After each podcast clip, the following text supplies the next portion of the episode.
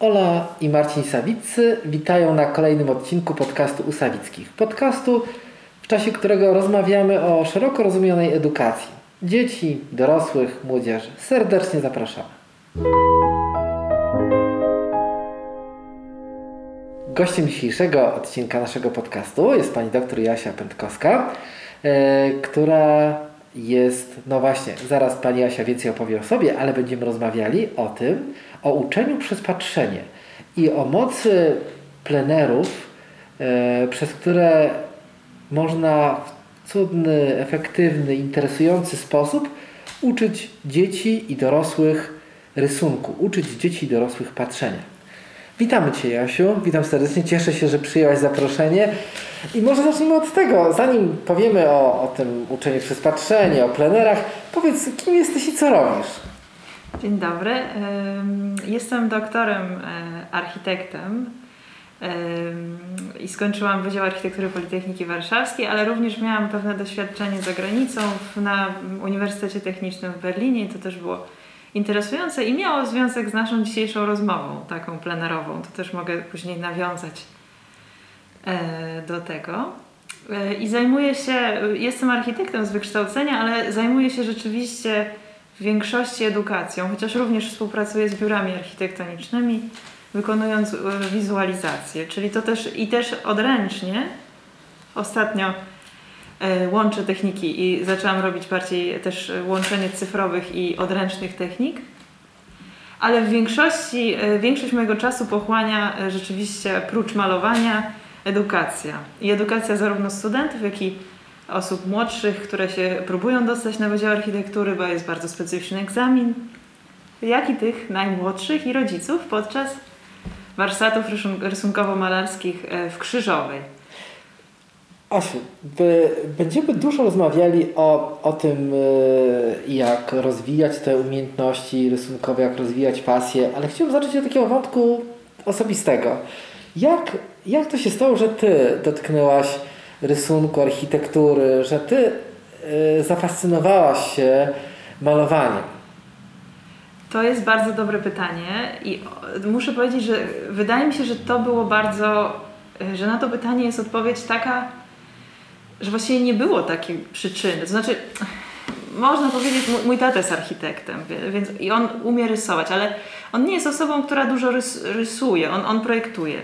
Używa tego rysunku w projektowaniu, ale nie, nie rysował y, dużo. Mnie się wydaje, że to jest kwestia po prostu tego, że, y, że i tu uważam, że to jest wspaniała y, taka właściwość rysunku, że chyba każdy z nas jako małe dziecko chwycił za kredkę, prawda, że to jest bardzo naturalna czynność i ona od razu wychodzi. To znaczy, ja też mi się wydaje, że jest takie bardzo porównanie in plus dla rysunku, na przykład z grą na instrumencie. Oczywiście też można usiąść przy, przy, nie wiem, przy, przy fortepianie i czy przy pianinie i sobie coś nagrać, mhm. zagrać, prawda? To jest, to, jest, to jest też możliwe, ale wydaje mi się, że to, tam jednak jest jakaś bariera E, taka wstępna. Natomiast w rysunku tej bariery nie ma. Po prostu każdy z nas jest w stanie chwycić za kredkę, nawet w sposób bardzo podstawowy ta, ten uchwyt może być zastosowany i coś narysować. Prawda? Tutaj nie potrzeba naprawdę żadnych warunków wstępnych. I tak mi się wydaje, że zaczęłam. E, później to się też powiązało z moją e, e, pasją drugą do zwierząt, w szczególności do koni. I zaczęłam rysować te konie. Najpierw, najpierw miały taką formę bardzo podstawową, a później rzeczywiście ewoluowały i już były takie naprawdę przypominające zwierzę. A czy do dzisiaj lubisz rysować konie?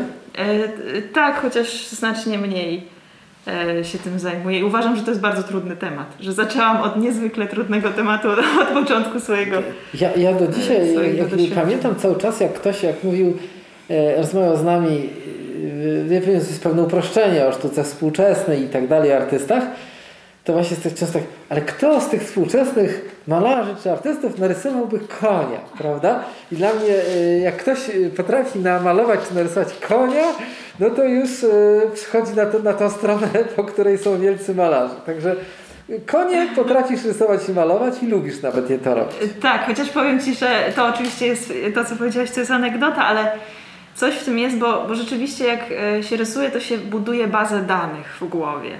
I na tym też polega plener dla studentów architektury, że potrzebna jest baza danych, to jest takie e, metaforyczne powiedzenie, ale myślę, że dobrze oddaje meritum, żeby później z niej czerpać, nawet nieświadomie, jak się projektuje. I to jest, to jest e, naprawdę, e, wydaje mi się, że bardzo istotny czynnik taki, bo, bo oczywiście widząc też zapamiętujemy, robiąc fotografię też zapamiętujemy, ale zapamiętywanie poprzez aktywne rysowanie, aktywne doświadczenie, które trwa może trwać 15 minut szkic, ale może- możemy również siedzieć w tym jednym miejscu przez 3 godziny. To jest naprawdę zapamiętanie tego i w- wdrukowanie sobie w pamięć detalu, proporcji, poczucia, jakie jest w danym miejscu.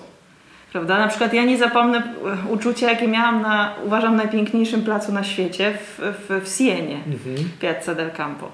I to, to, to przez skalę, przez, przez, przez, nawet przez jakieś takie e, rzeczy, które nie są rysunkowe, jak na przykład dźwięki, zapachy i to wszystko na tym rysunku jest.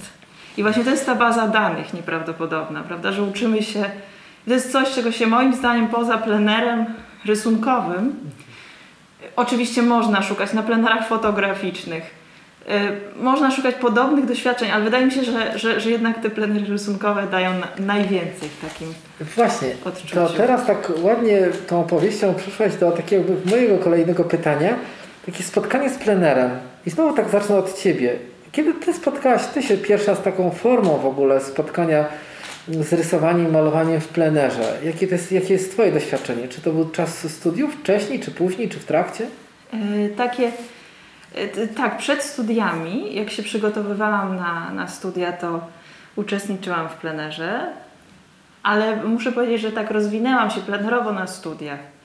Tu w pracowni rysunku, właśnie.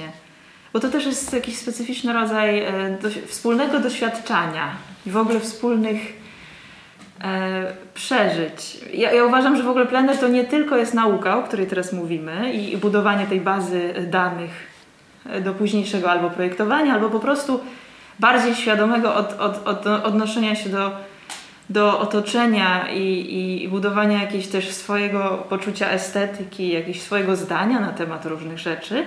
Ale oprócz tego uważam, że ten aspekt społeczny plenerów, takiej wspólnoty działania pewnego, wspól, wspólnego kreowania czegoś, jest nie do przecenienia. I później na tych plenerach oczywiście, ponieważ razem jesteśmy w jednej biedzie, bo musimy rysować, prawda? Ale z kolei To- łączy Was to, dlaczego tam się zjawiliście. Oczywiście, tak, więc pewne zainteresowanie światem po prostu takie bardzo pozytywne.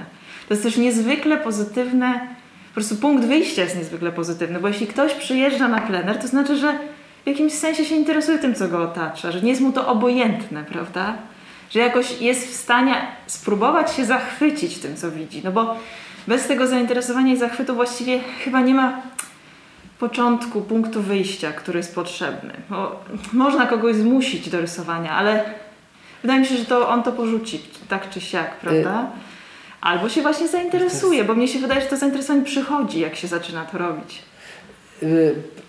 Zaczęłaś od plenerów studenckich, ale to, co jest taką specyfiką i to, co ty robisz, a w niewielu miejscach się dzieje, jest to, że prowadzisz plenery dla rodzin, dla rodzin, gdzie są dzieci, dorośli, którzy razem pracują. Czy możesz parę słów powiedzieć, jak to, bo, bo, bo słucha nas ktoś, kto mówi, o kurczę, chciałbym zrobić coś takiego, dlaczego to robisz, jak sobie to organizujesz, jak wygląda dzień na, na takim plenerze, ale najpierw tylko pyta, takie pytanie, dlaczego robisz to dla rodzin? Właśnie ze względów e, e, wspól, wspólnoty doświadczeń, to znaczy tego, że uważam, że jeśli wspólnie, niezależnie od wieku, e, siądziemy, mama, tata, dzieci i niezależnie od tego, w jakim wieku są te dzieci i wspólnie coś robimy, to to zyskuje jakąś dodatkową wartość i też przekonuje te dzieci do tego, że, że warto to robić. No, to jest to, chyba, ja, się bardzo dobrze nie znam na edukacji e, takiej e, ro, ro- rodzinnej, ale wydaje mi się, że w wychowaniu w ogóle jest wspaniałe e, taka, taka kontynuacja, jeśli mówimy słuchaj, to jest interesujące, może chciałbyś spróbować tego i tego. To zamiast mówić, to pro, po prostu rodzic może sam spróbować. I to, to jest chyba najlepsza motywacja dla dziecka, żeby też podjąć taką próbę. Także y, ta, ta wspólnota, wydaje mi się, że ta wspólnota doświadczeń i taki egalitaryzm, takie, takie jakby ujednolicenie, że wszyscy rysujemy, wszyscy jesteśmy jednakowo ważni i nasze wytwory naszych e, pracy, naszych rąk są jednakowo ważne, bardzo wartościowe. I wspólnie o, o nich roz, y, rozmawiamy. Także to. To jest to dlaczego. A, a, a jak wygląda taki dzień na plenerze? E, zaczyna, właściwie mamy ustalony taki tryb, pra, e, tryb naszego rysowania i wspólnego spotykania się. E, zaczynamy e, od rysowania porannego, oczywiście wcześniej się przygotowujemy, ustalamy ten, ten, ten, ten, ten, ten, miejsce, w którym chcemy rysować i wyjeżdżamy sobie najczęściej w Krzyżowej w okolice, na przykład do kościoła w Lachowicach, którego uwiel który uwielbiam absolutnie. Tam rysujemy około dwóch godzin, ale dwóch i pół, czasami niektórzy zostają nawet i cztery. To wszystko zależy od chęci i sił. Później wracamy sobie na obiad, e, a po obiedzie mamy taki wolny, swobodny czas w ogrodzie, który służy do tego, żeby e, żebyśmy wspólnie e, rysowali bądź rozmawiali o tych rysunkach, które już powstały. Najczęściej to jest twórczy czas i, i tam rysujemy postacie, fragmenty architektury, zieleń, a później jest jeszcze jeden bardzo e, istotny e, element naszego pleneru, e, to są wieczorne rozmowy. I to najczęściej nazywamy to korektami, ale ja raczej chciałabym uniknąć... Korekta brzmi tak bardzo... Właśnie, ja chciałabym raczej powiedzieć, że, że my to tak nazywamy skrótowo, ale to tak jakby było coś do korygowania. Ja nie do końca jestem przekonana, że to słowo odpowiada temu, tym naszym wieczornym rozmowom. Ja myślę, że, bo korekta zakłada błąd, a ja uważam, że błędów w rysunku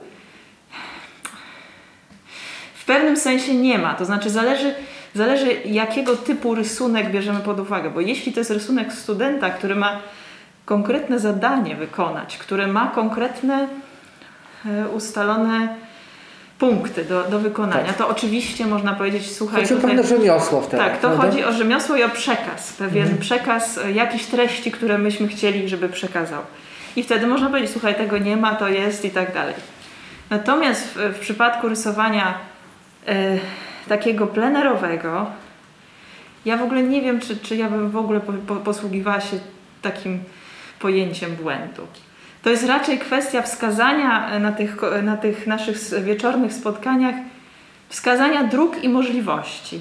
Tak, raczej, znaczy jeżeli ktoś bardzo chce, to możemy się e, oczywiście operować perspektywą i, i, i się dowiadywać tego, jak to działa, ale tutaj na marginesie nawet perspektywa linearna, której się, którą, się, e, którą się posługujemy i to jest sposób przedstawienia trójwymiarowej przestrzeni na dwuwymiarowej płaszczyźnie kartki, e, to nawet ona jest, e, jest e, fałszywa w którymś momencie. Znaczy to, to nie jest sposób, który jest bezbłędny. Nie ma takiego sposobu. I to już o tym traktaty pisano w renesansie, że po prostu ona zakłada pewien ograniczony kąt patrzenia. My mamy znacznie szerszy, my, my kręcimy głową. W takim razie jak te punkty zbiegu ma, można u, u, ustalić? Także tak naprawdę nie ma poprawnego zapisu. Poprawny zapis my tworzymy na podstawie naszych osobistych doświadczeń. Także ja, nie, ja naprawdę uważałabym z pojęciem błędu. Czyli te wieczory, które nazywamy są korektami, generalnie nie służą temu, żeby wytykać sobie błędy i mówić, jak to zrobić jeszcze inaczej, albo właśnie korygując jakiś błąd, tylko bardziej są związane e, z, rozumiem, pytaniami i rozmowami o tych pracach, które, które, które są robione. Tak? Dobrze to... Oczywiście, tak. I też e, ze spojrzeniem e, na to, jak inne osoby widziały daną przestrzeń. Bo można się zainspirować oczywiście ki- czyimś, czyimiś pracami. A, a czy na przykład jest tak, że e, czy, czy na przykład jest tak, że w czasie tych rozmów e, rozmawiacie, że sami dorośli rozmawiają, czy jakby też są e, dzieci mogą przychodzić i też uczestniczą w tych rozmowach, mogą się przysłuchiwać temu, co się dzieje, czy raczej to są spotkania, gdzie, gdzie dorośli jakby, jakby głównie jakby dominują? Właściwie to myśmy to naj, planowali, że to są raczej spotkania z rodzicami. Aha. ale zawsze tam jakoś to e, się wszystko miesza ze sobą. Czyli przemycają się Tak. młodzi. E, Tak jest. A z drugiej strony to jest fascynujące, że, że właśnie nie przemycają się, bo oglądacie film i chcą obejrzeć by jakiś owoc zakazany, bo rodzice już nie pozwalają, tylko przemycają się, żeby posłuchać Tak. e, o rozmowy o obrazach. To jest Tak niesamowite, że wielu z nas chciałoby, a nie oszukujmy się, mogliby siedzieć w łóżkach i tam pykać na jakimś telefonie, prawda? Także to też pokazuje. A czy zdarzały się na przykład historie, kiedy na przykład yy, widziałaś, że y, rodzice zarażali się tak w cudzysłowie od dzieci chęcią rysowania, że na przykład przyjechali tak tylko, żeby potowarzyszyć dziecku, okazuje się, że, że też zaczynają rysować. Czy takie ciekawe historie zdarzają się na plenerach? Oczywiście w obie strony, to znaczy i, i dzieci od rodziców, i rodzice od dzieci, absolutnie tak. I, z, i bardzo często jest, to jest naprawdę częsty przypadek, że przyjeżdżają, przyjeżdża rodzic z dzieckiem i rodzic mówi, wiesz, bo ja to nigdy nie rysowałam i, i ja już właściwie to, na mnie to nie patrz, wiesz, tam pójdź do, pójdź do dziecka, bo, bo mnie, ja to, to nie jestem ważna. I to zupełnie tak nie jest, że nie jest ważna ta osoba. Bo, bo, bo, bo to w ogóle nie ma. I, i, e, i, I takie osoby trzeba po prostu e, zachęcać, żeby. żeby A nie było- wrażenia, że my dorośli mamy więcej ograniczeń e, i, i takich kompleksów przed powrotem do rysowania niż dzieci, które i tak się czasami krygują, czy jest to takie klasyczne pytanie, czy jest ładnie. I czasami więcej trzeba popracować z rodzicami, którzy często mogą być kluczem do, do, do dzieciaków. Tak, oczywiście, dlatego że my zbieramy e, e, oczekiwania wobec samych siebie i, i nie, niepotrzebnie, dlatego że te oczekiwania są najczęściej zbyt wygórowane i w ogóle w takiej pracy twórczej, kreatywnej, e, no raczej blokujące jakieś działania niż, niż takie pomagające, w ogóle niepotrzebne zupełnie. No przez to, że my widzieliśmy dużo, tak, i mamy jakieś wyobrażenie o tym, co, co według nas jest dobre, bardzo często nie, błędne wyobrażenie. I w ogóle też chciałabym podkreślić to, że, że na tych plenerach w ogóle tak naprawdę nie chodzi o efekt.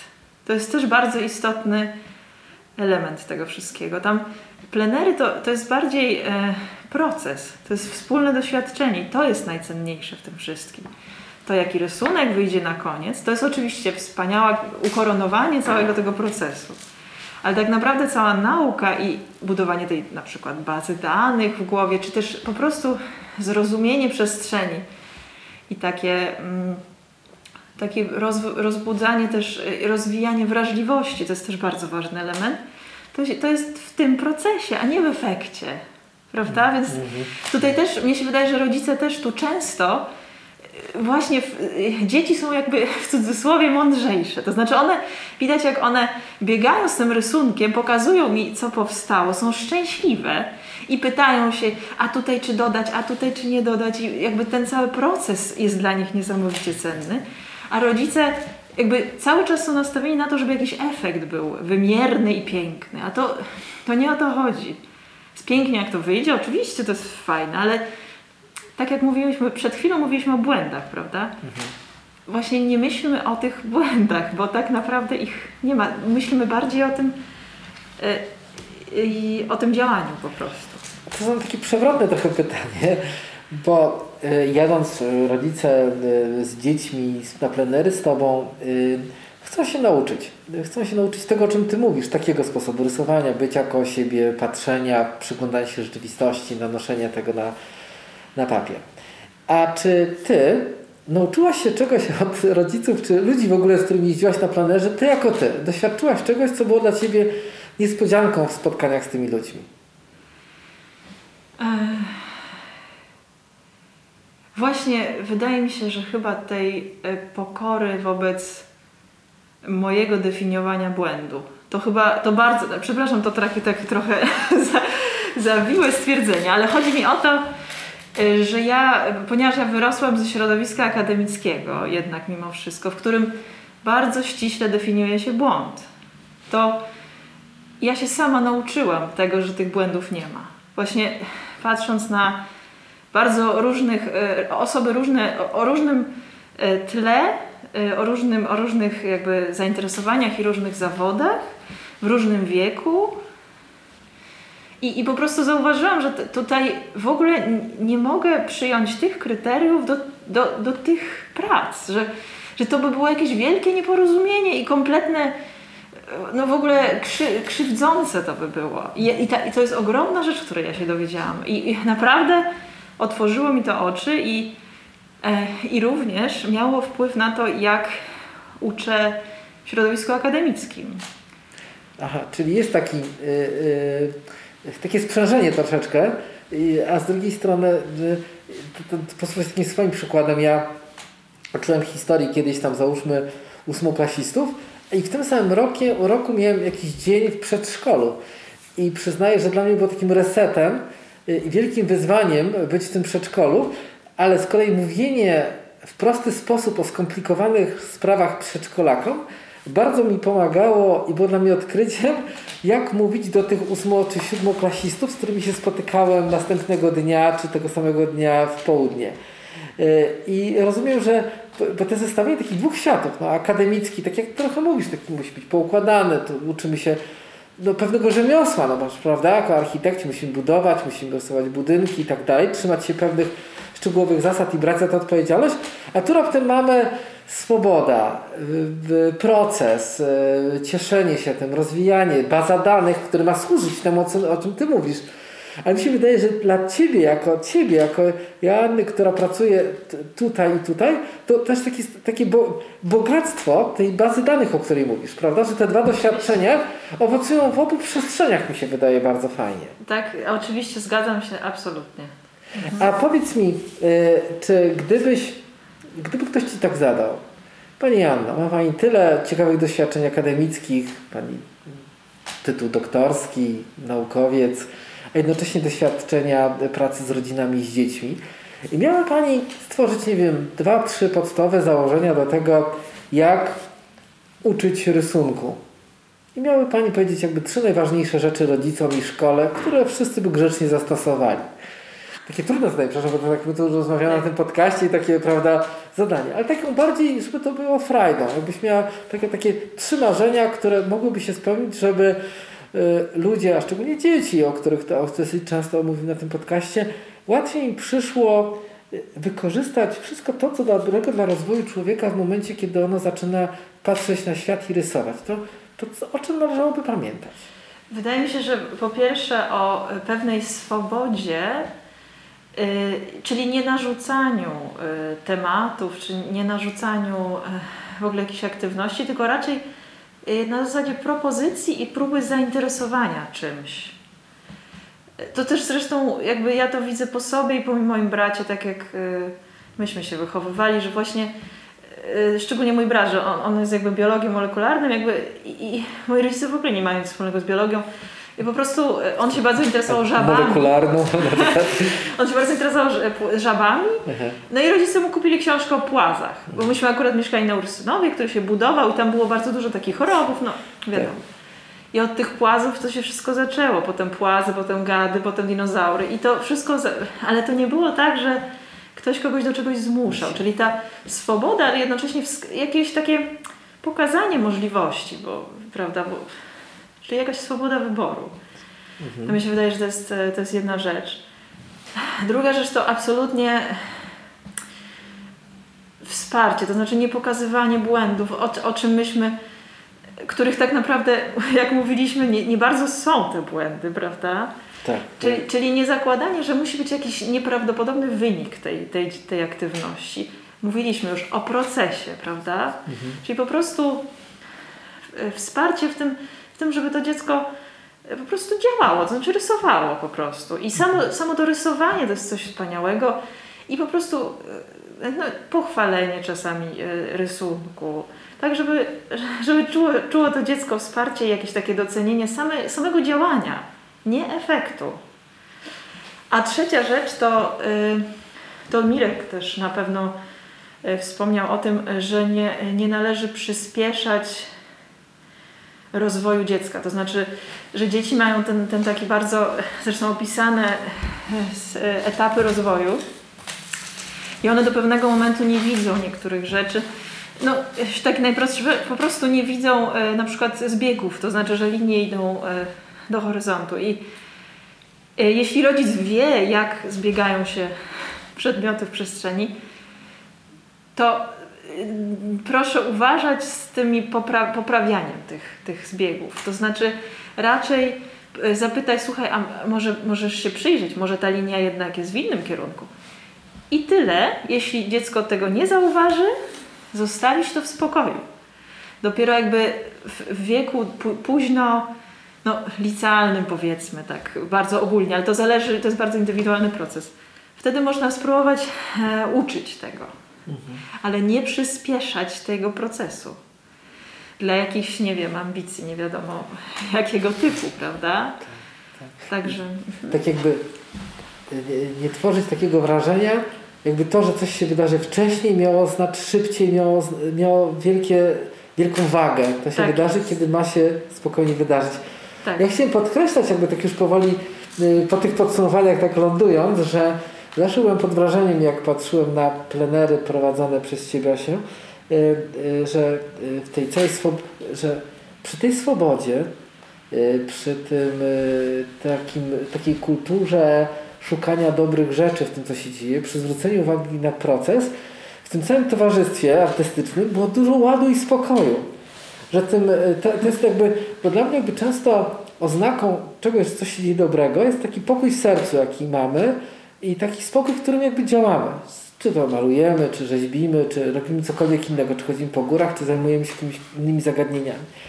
I ja na przykład odebrałem też w tych plenerach mnóstwo takiego spokoju i takiego dobrego ducha, y, co dla mnie też jest jakimś takim y, zewnętrznym obrazem, y, że w tych procesach, w tych głowach, w tych duszach tych dzieci i rodziców dzieje się dużo fajnych rzeczy, za co Ci Asiu tu przy okazji tego podcastu bardzo, to bardzo y, dziękuję. Czy chciałabyś coś jeszcze na zakończenie naszej Dziękuję. rozmowy dodać? Yy, Przede wszystkim bardzo dziękuję za to, co powiedziałeś, bo to, to dla mnie jest ważne, dlatego że e, ja przeżyłam plenery, na których nie było dobrej atmosfery i przede wszystkim one opierały się właśnie na, e,